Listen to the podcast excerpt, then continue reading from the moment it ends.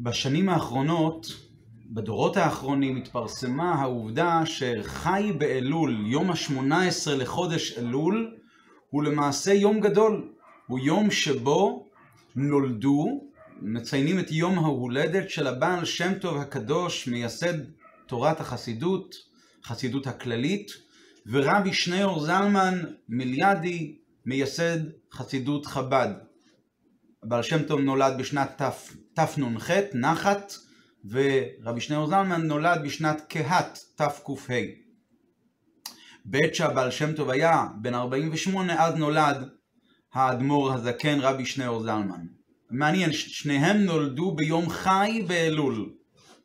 אז הייתה אמרה נפוצה מפי החסידים בדורות הקודמים, וחזר על האמרה הזו בשתי גרסאות, בשתי נוסחאות, חזר עליה הרבי מלובביץ' הקודם. הוא אמר ככה, הוא אמר, חי אלול הוא היום שהביא ומכניס חיות באלול.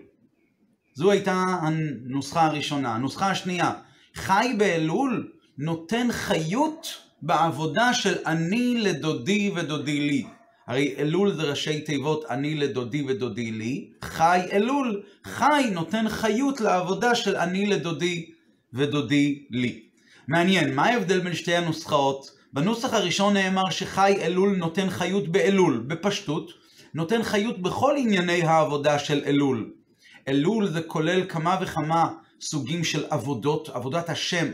יהודי צריך תמיד לעבוד את השם, אבל באלול יש הדגשה מיוחדת סביב תורה, תפילה, גמילות חסדים, צדקה ותשובה. תורה, יש ראשי תיבות, עינה לידו ושמתי לך, הרי מקלט, כלומר התורה, שדברי תורה הם קולטין, הם תופסים את הבן אדם וקולטים אותו ומצילים אותו. אני לדודי ודודי, ודודי לי כמובן זה עבודת התפילה, אני לדודי התקרבות לקדוש ברוך הוא, יהודי מתקרב להשם, איש לרעהו ומתנות לאביונים, גם ראשי תיבות אלול, זה גמילות חסדים, וראשי תיבות האחרונים, את לבבך ואת לבב, ואת לבב זרעך, ואת לבב זרעך, שזה התשובה. ושב על שם אלוקיך, ומל השם אלוקיך את לבבך, ואת לבב זרעך, מילת הלב, עורלת הלב, שזה עניין של תשובה. אוקיי, אז אם אומרים שאלול נותן חיות באלול, אז הוא נותן חיות גם באני לדודי ודודי לי. למה צריכים לבוא ולהגיד, טוב, אלול נותן חיות בכל עניין, חי באלול נתן חיות, עבודת התפילה הפכה להיות אחרת, עבודת התורה הפכה להיות אחרת, התשובה הפכה להיות אחרת, נתן חיות, חי נתן חיות באלול, אז למה צריך לומר שוב, חי באלול נתן חיות? באני לדודי ודודי לי. תכף נראה שזה לא סתם שתי הנוסחאות האלה, אלא יש כאן משהו מיוחד שמתאים לרעיון שאירע ביום הזה, ביום חי באלול, אותה, אה, אמרנו מקודם, הציון של שני המאורות הגדולים שנולדו ביום הזה, רבי אה, ישראל בעל שם טוב, המייסד של חסידות הכללית, ורבי שניאור זלמן מיליאדי, המייסד של חסידות חב"ד. אולי קצת היסטוריה. חסידות חב"ד היא המשך למעשה של החסידות הכללית. רבי שניאור זלמן היה תלמיד תלמידו של אדמו"ר הזק... של הבעל שם טוב. הוא קרא, רבי שניאור זלמן קרא לבעל שם טוב סבא, אפילו שהוא לא היה סבו, סבו הביולוגי, אבל מהבחינה הרוחנית הוא היה רב רבו, תלמיד, תלמידו הגדול של רבי, שני, רבי ישראל בעל שם טוב היה רבי דובר ממזריץ', המגיד ממזריץ', ותלמידו המובחר היה רבי שניאור זלמן. אז למעשה חסידות חב"ד היא המשך של החסידות הכללית שאותה אה, חולל וגילה הבעל שם טוב. ובכל זאת, החסידות הזאת מצטיינת בעניין הזה שהיא תביא את הרעיונות של החסידות בחב"ד. חב"ד זה לא שם מקום, חב"ד זה חוכמה בין הדת, זאת אומרת שהרעיונות של החסידות יחדרו בתוך שלושת חללי השכל, למעשה בכל הרבדים של השכל, בחוכמה, בבינה ובדעת, וזה למעשה סוג של חידוש מסוים על פני החסידות הכללית. והחידוש הוא כל כך גדול עד כדי כך שמן השמיים כביכול היה, היו צריכים להוריד נשמה חדשה שלא הייתה בעולם קודם לכן. רוב הנשמות באות ב, לעולם בגלגול, הם כבר היו פה בעולם בעבר, רבי שניאור זלמן היה נשמה חדשה, ככה העיד עליו הבעל שם טוב. אז uh, הוא ממש uh, נקרא כמו נשמה חדשה, זאת אומרת חידוש חדש שצריכים להביא אותו לעולם. אם הוא המשך של הבעל שם טוב, אז זה לא כל כך חידוש. אז כנראה שכן יש כאן חידוש. זאת אומרת, יש כאן דבר והיפוכו. מצד אחד, רבי שניאור זלמן הוא המשך, המשך ישיר של רבי ישראל בעל שם טוב והחסידות הכללית, ומצד שני הוא מחדש כאן משהו מיוחד. זה לכאורה גם נצטרך עוד מעט לעשות את ההשוואה בין אלול בצורה הכללית, לבין אני לדודי ודודי לי, שזה משהו פרטי מסוים. נראה תכף בהמשך שהאלול בצורה כללית זה החסידות הכללית, ואני לדודי ודודי לי בצורה פרטית זה החידוש המיוחד שישנו בתורת חסידות חב"ד לעומת החסידות הכללית. טוב, כדי להבין את זה, אמ, נלך לפתגם קצר שגם אותו אמר הרבי הקודם מלובביץ', שהוא בפתגם הזה הוא ממש הסביר וביטא את ההבדל בין, כדי להסביר דבר מסוים איך שהוא שווה, אז צריכים להבין איך, את ההבדלים שבין דבר לדבר, צריכים להבין דבר ראשון איך הדבר הוא שווה. אז גם תורת החסידות הכללית של רבי ישראל בעל שם טוב וגם תורת חסידות חב"ד, שניהם נותנים לבן אדם את הכוח לעבוד את השם בצורה מיוחדת, בצורה של חיות, בצורה של התלהבות, בצורה של, בצורה הרבה יותר, בדבקות יותר.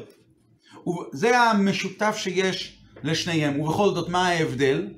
ההבדל הוא, אמר הרבי הקודם, הבעל שם טוב הראה כאיך צריך לעבוד את השם.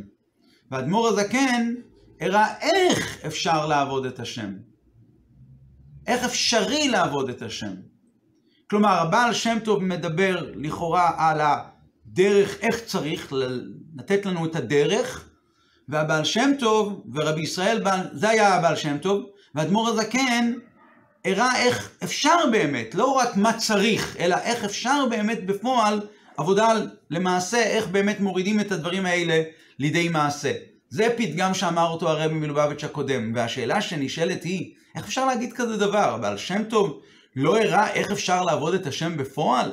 הבעל שם טוב העמיד המוני המוני תלמידים, תלמידים רבים, והתלמידים שלהם הביאו תלמידי, היה להם תלמידים ותלמידים לתלמידים, וכל התלמידים האלה עבדו את השם בדרך החסידות, עוד לפני ההתגלות של תורת חסידות חב"ד. ואצל כולם בוודאי שהעבודה הרוחנית הזאת הביאה גם לידי מעשה, זה לא היה רק בתיאוריה, זה היה גם במעשה בפועל. איך אפשר לומר שאדמו"ר הזקן הוריד את הדברים מהתיאוריה כביכול אל המעשה בפועל? איך אפשר להגיד כזה פתגם? אז יש כאן איזשהו עומק שנצטרך להסביר אותו, אולי להקדים הקדמה כללית ולהבין בכלל את סדר ההופעה של התורה בכלל, תורה שבכתב מול תורה שבעל פה.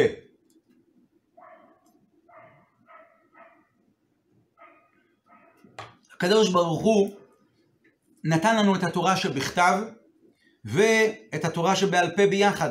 ביחד איתם הוא נתן את הכללים של התורה, כללי התורה. זה המידות שהתורה, התורה שבכתב נדרשת בהם. קל וחומר, גזירה שווה, בנייניו מכתוב אחד, בנייניו משני כתובים.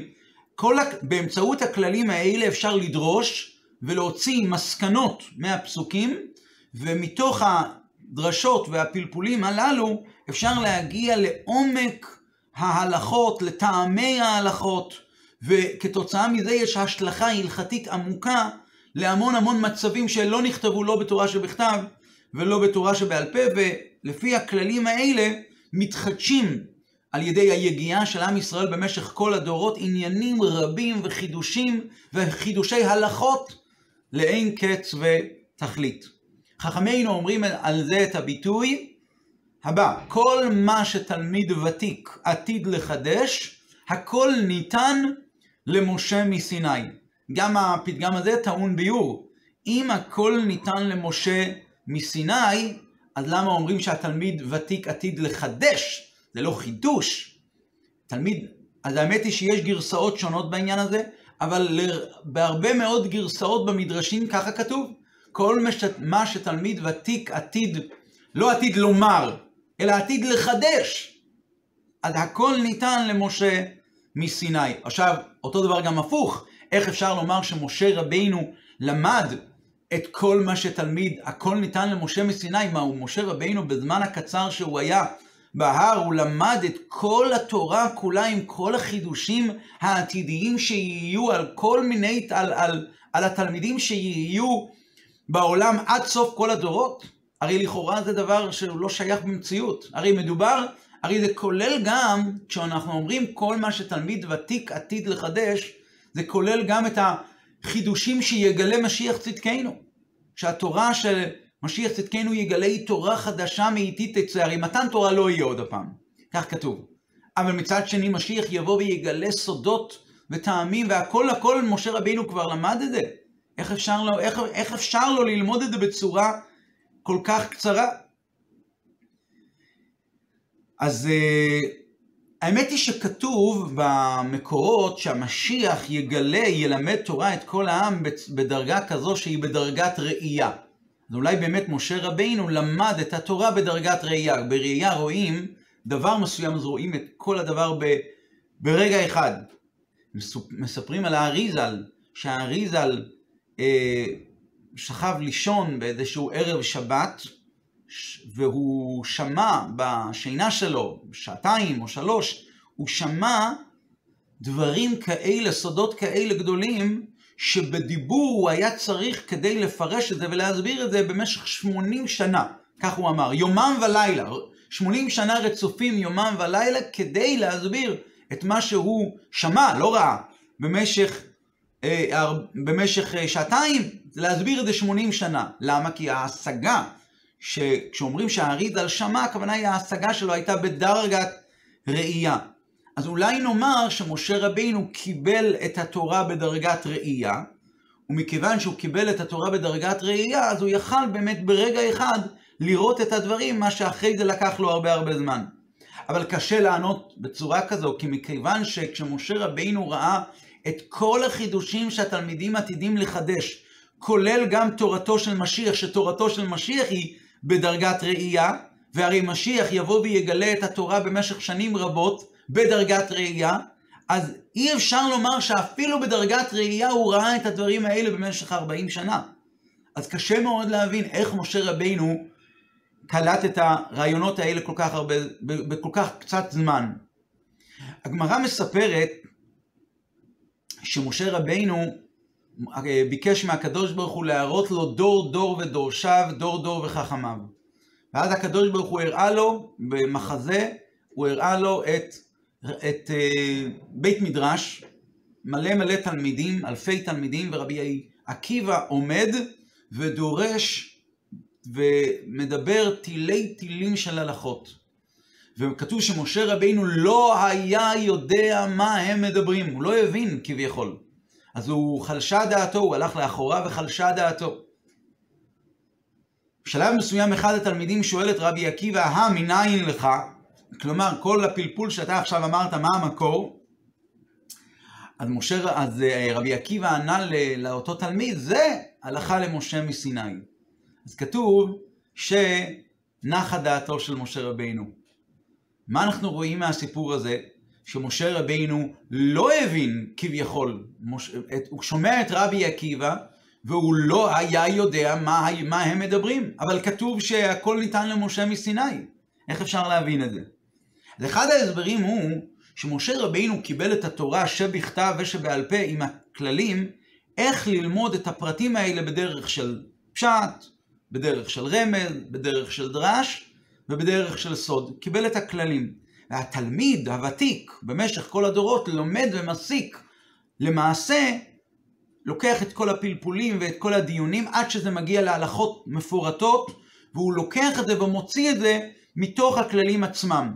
אז זה באמת חידוש, כי משה רבינו את הפרטים האלה לא למד בפועל. משה רבינו את התילי תילים של ההלכות שרבי עקיבא דרש, משה רבינו לא היה יודע אותם, כי הוא לא למד אותם, הוא קיבל את הכללים.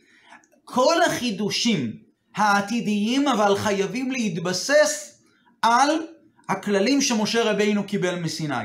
אז למעשה, כשאומרים הכל ניתן למשה מסיני, הכל כלול בתוך הכללים, כללי התורה שבעל פה, שמשה רבינו באמת קיבל. זה מזכיר גמרא אחרת. הגמרא מספרת על רבי אליעזר בן הורקנוס. כתוב שהוא לא אמר דבר שלא שמע מפי רבו לעולם. רבו של רבי אליעזר בן הורקנוס היה רבי יוחנן בן זכאי. ולכאורה, הרי בוודאי ובוודאי שרבי אליעזר בן הורקנוס לא היה רק, הלימוד שלו לא היה רק בדרגה שהוא חזר פשוט על דברי רבו, בוודאי הוא חידש בתורה.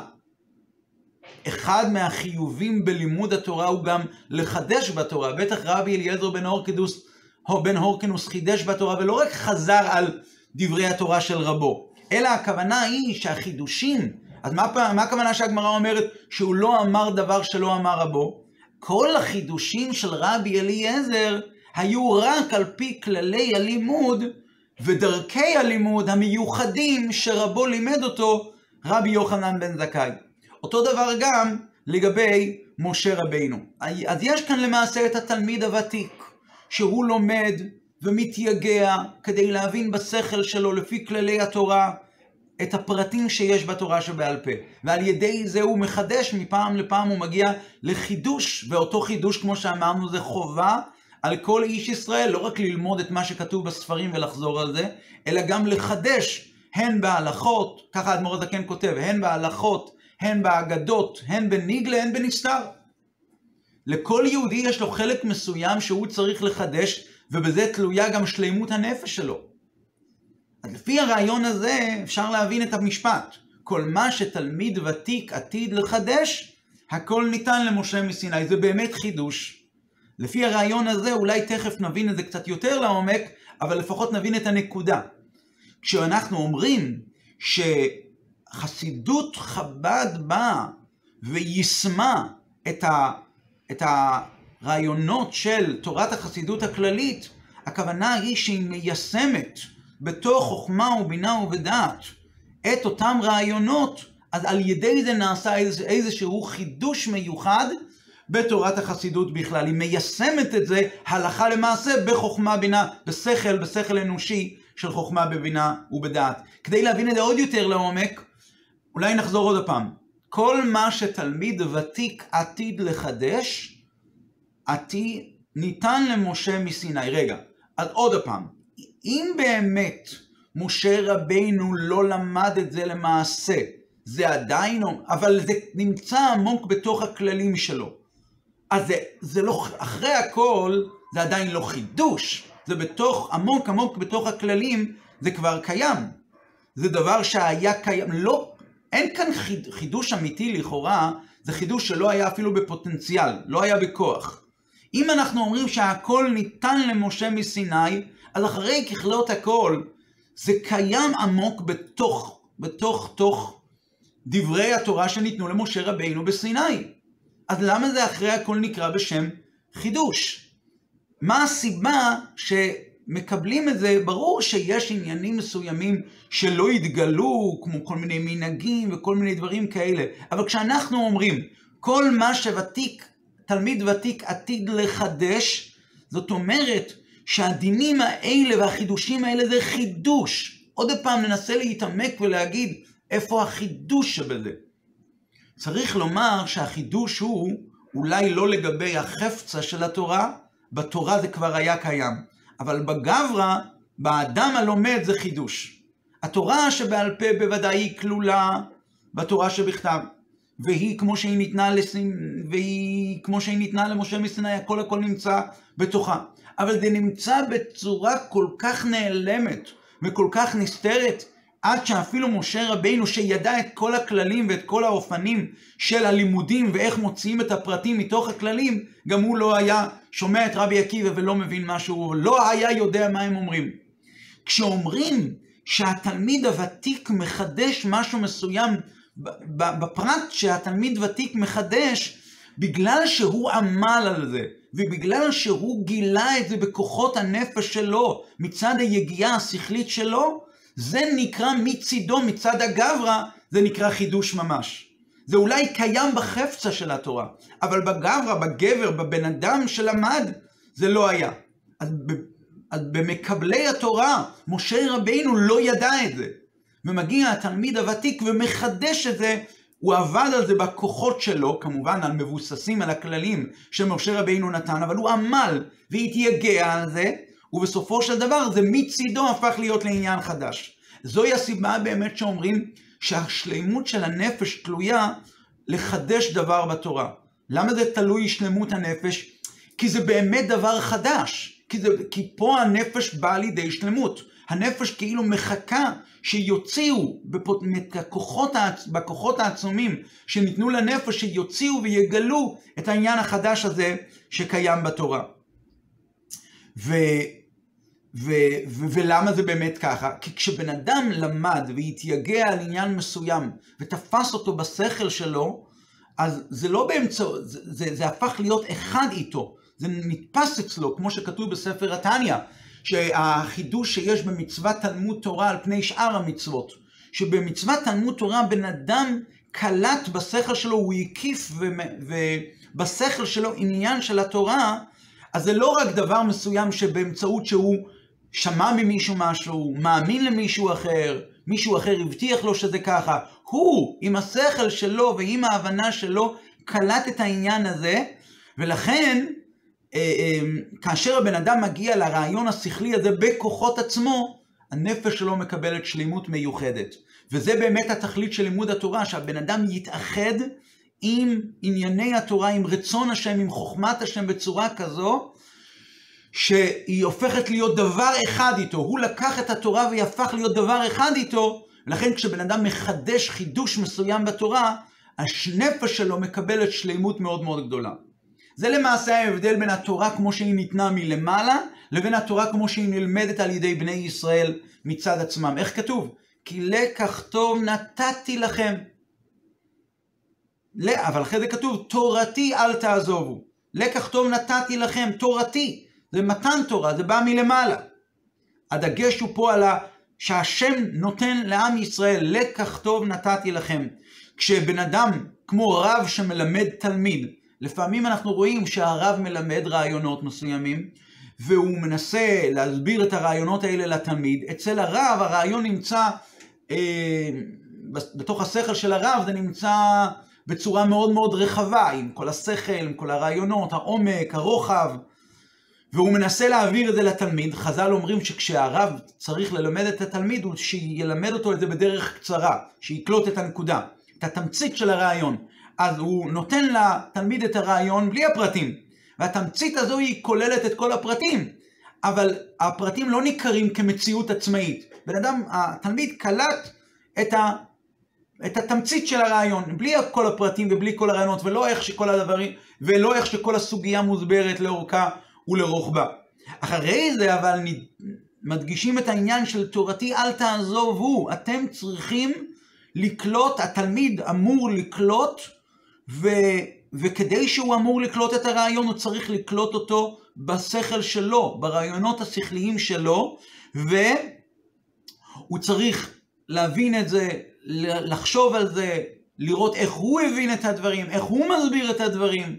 כמו ההבדל בין המשנה והגמרא והברייתות וכל מה שיש, שהם למעשה כל הפרטים והדיונים שבעומק בעומק נמצאים, נמצאים בתמציתיות במשנה מתגלים אחרי זה בגמרא. עכשיו נחזור לסוגיה שבה פתחנו, להסביר את ההבדל שיש בין החסידות הכללית לבין חסידות חב"ד, ומה ההדגשה שיש בחסידות הכללית, ואיזה הדגשה יש בתורת חסידות חב"ד.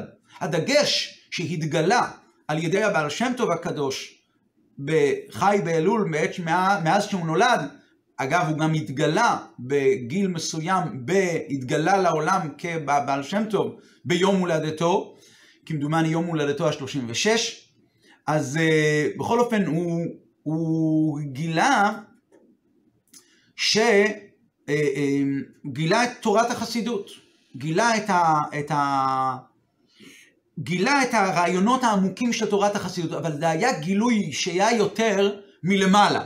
לא כל כך בידי המקבלים שקיבלו ממנו, אלא זה היה יותר מלמעלה, מהקדוש ברוך הוא. כאילו סוג של הדגשה אגב, אחד מההדגשות הכי אה, עיקריות בתורתו היה העניין של צדיק באמונתו, כתוב בחבקוק, צדיק באמונתו יחיה, שלמעשה באמצעות הצדיק נותן חיות, נותן התלהבות בכל העבודה של היהודי.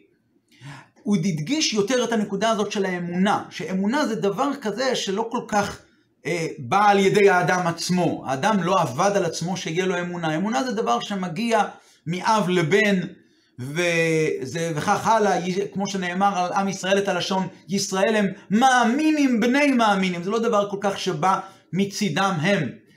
ואצל הבעל שם טוב היה דגש יותר על לעורר את האמונה ולתת לה המון המון כוחות, אבל זה דבר שיותר בא מלמעלה.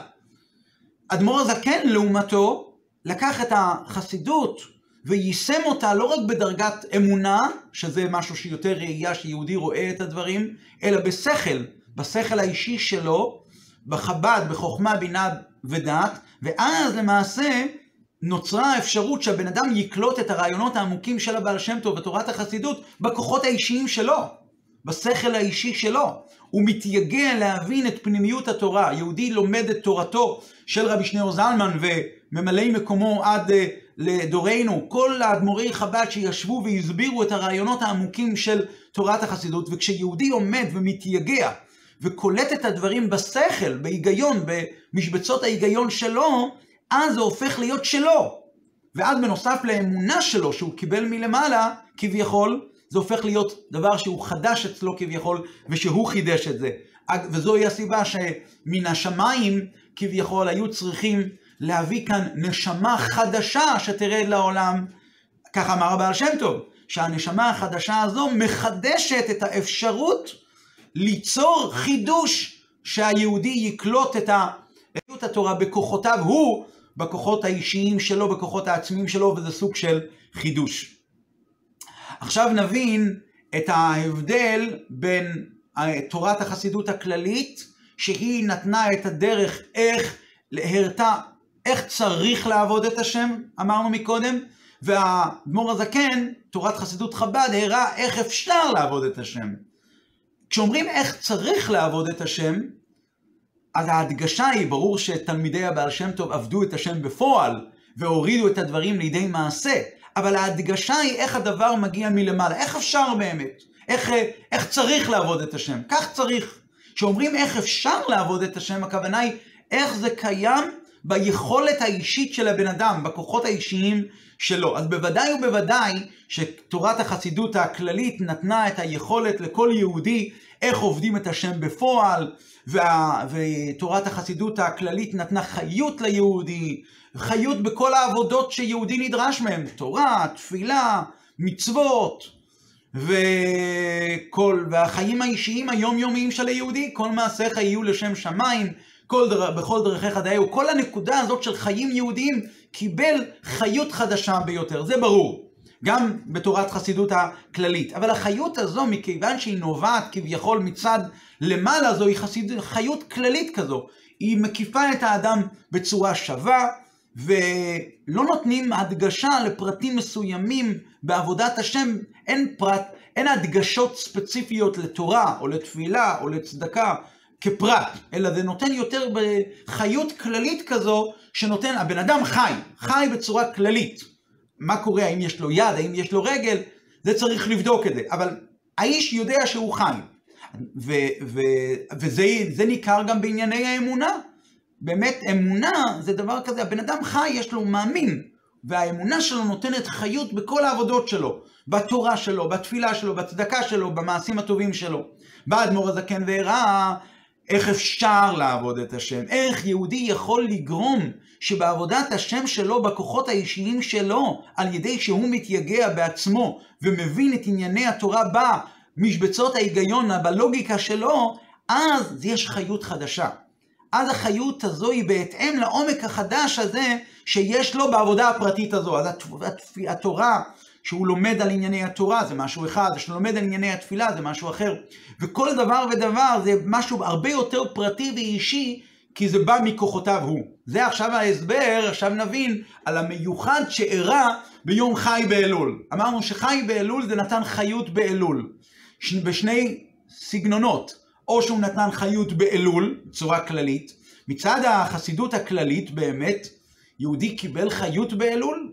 כל, אה, כל העבודות של אלול קיבלו חיות מיוחדת, אבל העבודות הספציפיות, כל עבודה ועבודה קיבלה ייחודיות שלה? לא. היהודי יודע שמגיע חודש אלול, אז הוא מתעורר והוא עושה חשבון הנפש, והוא עושה חשבון נפש מאוד מאוד כללי, והוא מקבל חיות כללית וכולי וכולי, מצד החסידות הכללית, זה המצב.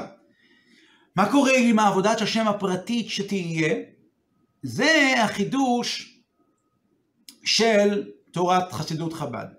מצד חסידות הכללית יותר אכפת לו הסיכום הכללי שלו. הוא קשור אל הקדוש ברוך הוא או לא קשור אל הקדוש ברוך הוא.